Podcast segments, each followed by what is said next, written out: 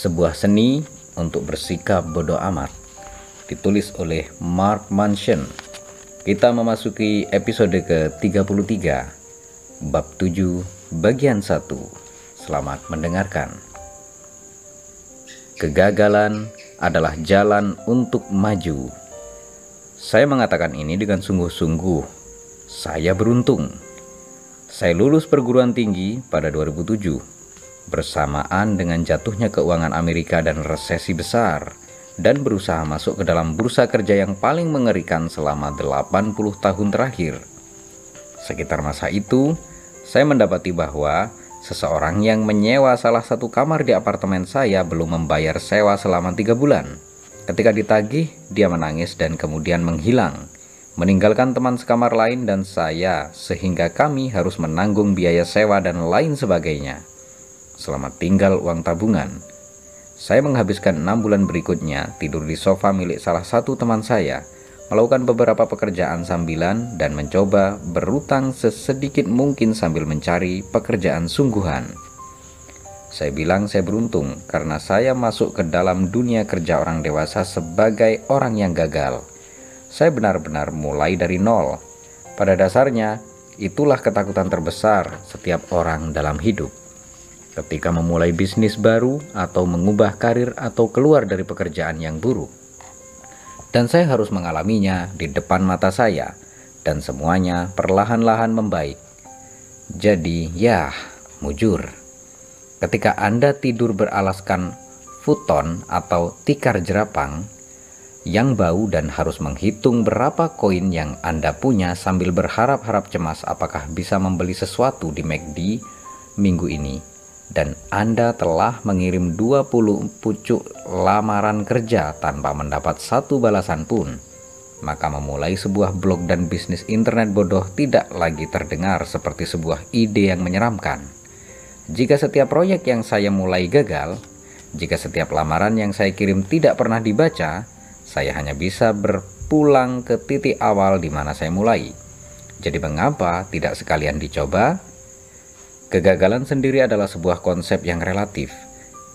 Jika ukuran yang saya pilih adalah ambisi untuk menjadi seorang pendukung revolusi komunis yang anarkis, fakta bahwa saya gagal menghasilkan uang antara 2007 hingga 2008 justru menjadi sebuah kesuksesan besar. Tetapi jika seperti kebanyakan orang, ukuran saya hanya mencari kerja mapan yang cukup untuk membayar tagihan dari sekolah, saya gagal total. Saya besar di keluarga yang kaya. Uang tidak pernah menjadi suatu masalah. Sebaliknya, saya besar di keluarga kaya di mana uang lebih sering digunakan untuk menghindari masalah ketimbang menyelesaikan masalah. Saya, sekali lagi, beruntung karena ini mengajari saya sedari dini bahwa mencari uang sejatinya adalah sebuah ukuran yang buruk bagi diri saya. Anda bisa saja mendapatkan banyak uang dan tetap menyedihkan atau miskin namun bahagia. Karena itu, mengapa menggunakan uang sebagai alat untuk mengukur harga diri saya? Nilai-nilai saya menyangkut hal lain. Ini lebih tentang kebebasan otonomi. Ini menjadi seorang wira swasta selalu muncul di benak saya karena saya benci disuruh-suruh dan lebih suka melakukan banyak hal dengan cara saya sendiri. Ide bekerja lewat internet muncul di benak saya karena saya bisa melakukannya di mana saja dan bekerja di mana pun saya mau. Saya bertanya kepada diri saya satu pertanyaan sederhana. Apakah saya lebih memilih digaji secara layak dan melakukan pekerjaan yang saya benci atau menjadi wira swasta internet meski bangkrut sesekali waktu? Jawabannya langsung dan jelas bagi saya. Yang terakhir, kemudian saya bertanya pada diri saya, jika saya mencoba hal ini dan gagal dalam beberapa tahun dan harus mencari kerja yang lain, akankah saya menyerah? Jawabannya tidak.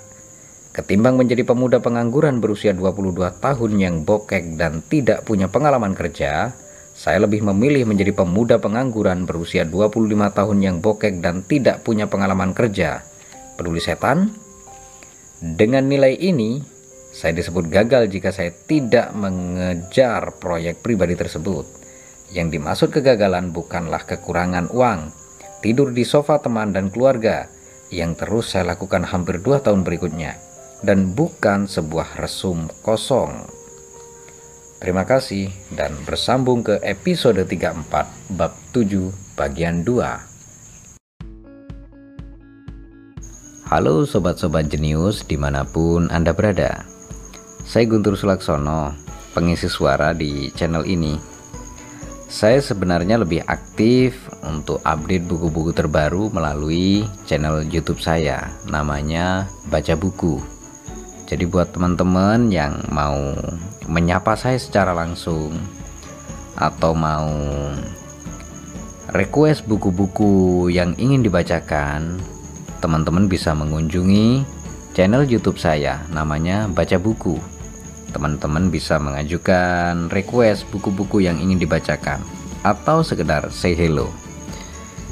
Jadi oke okay ya teman-teman semuanya Selamat mendengarkan program audiobook Indonesia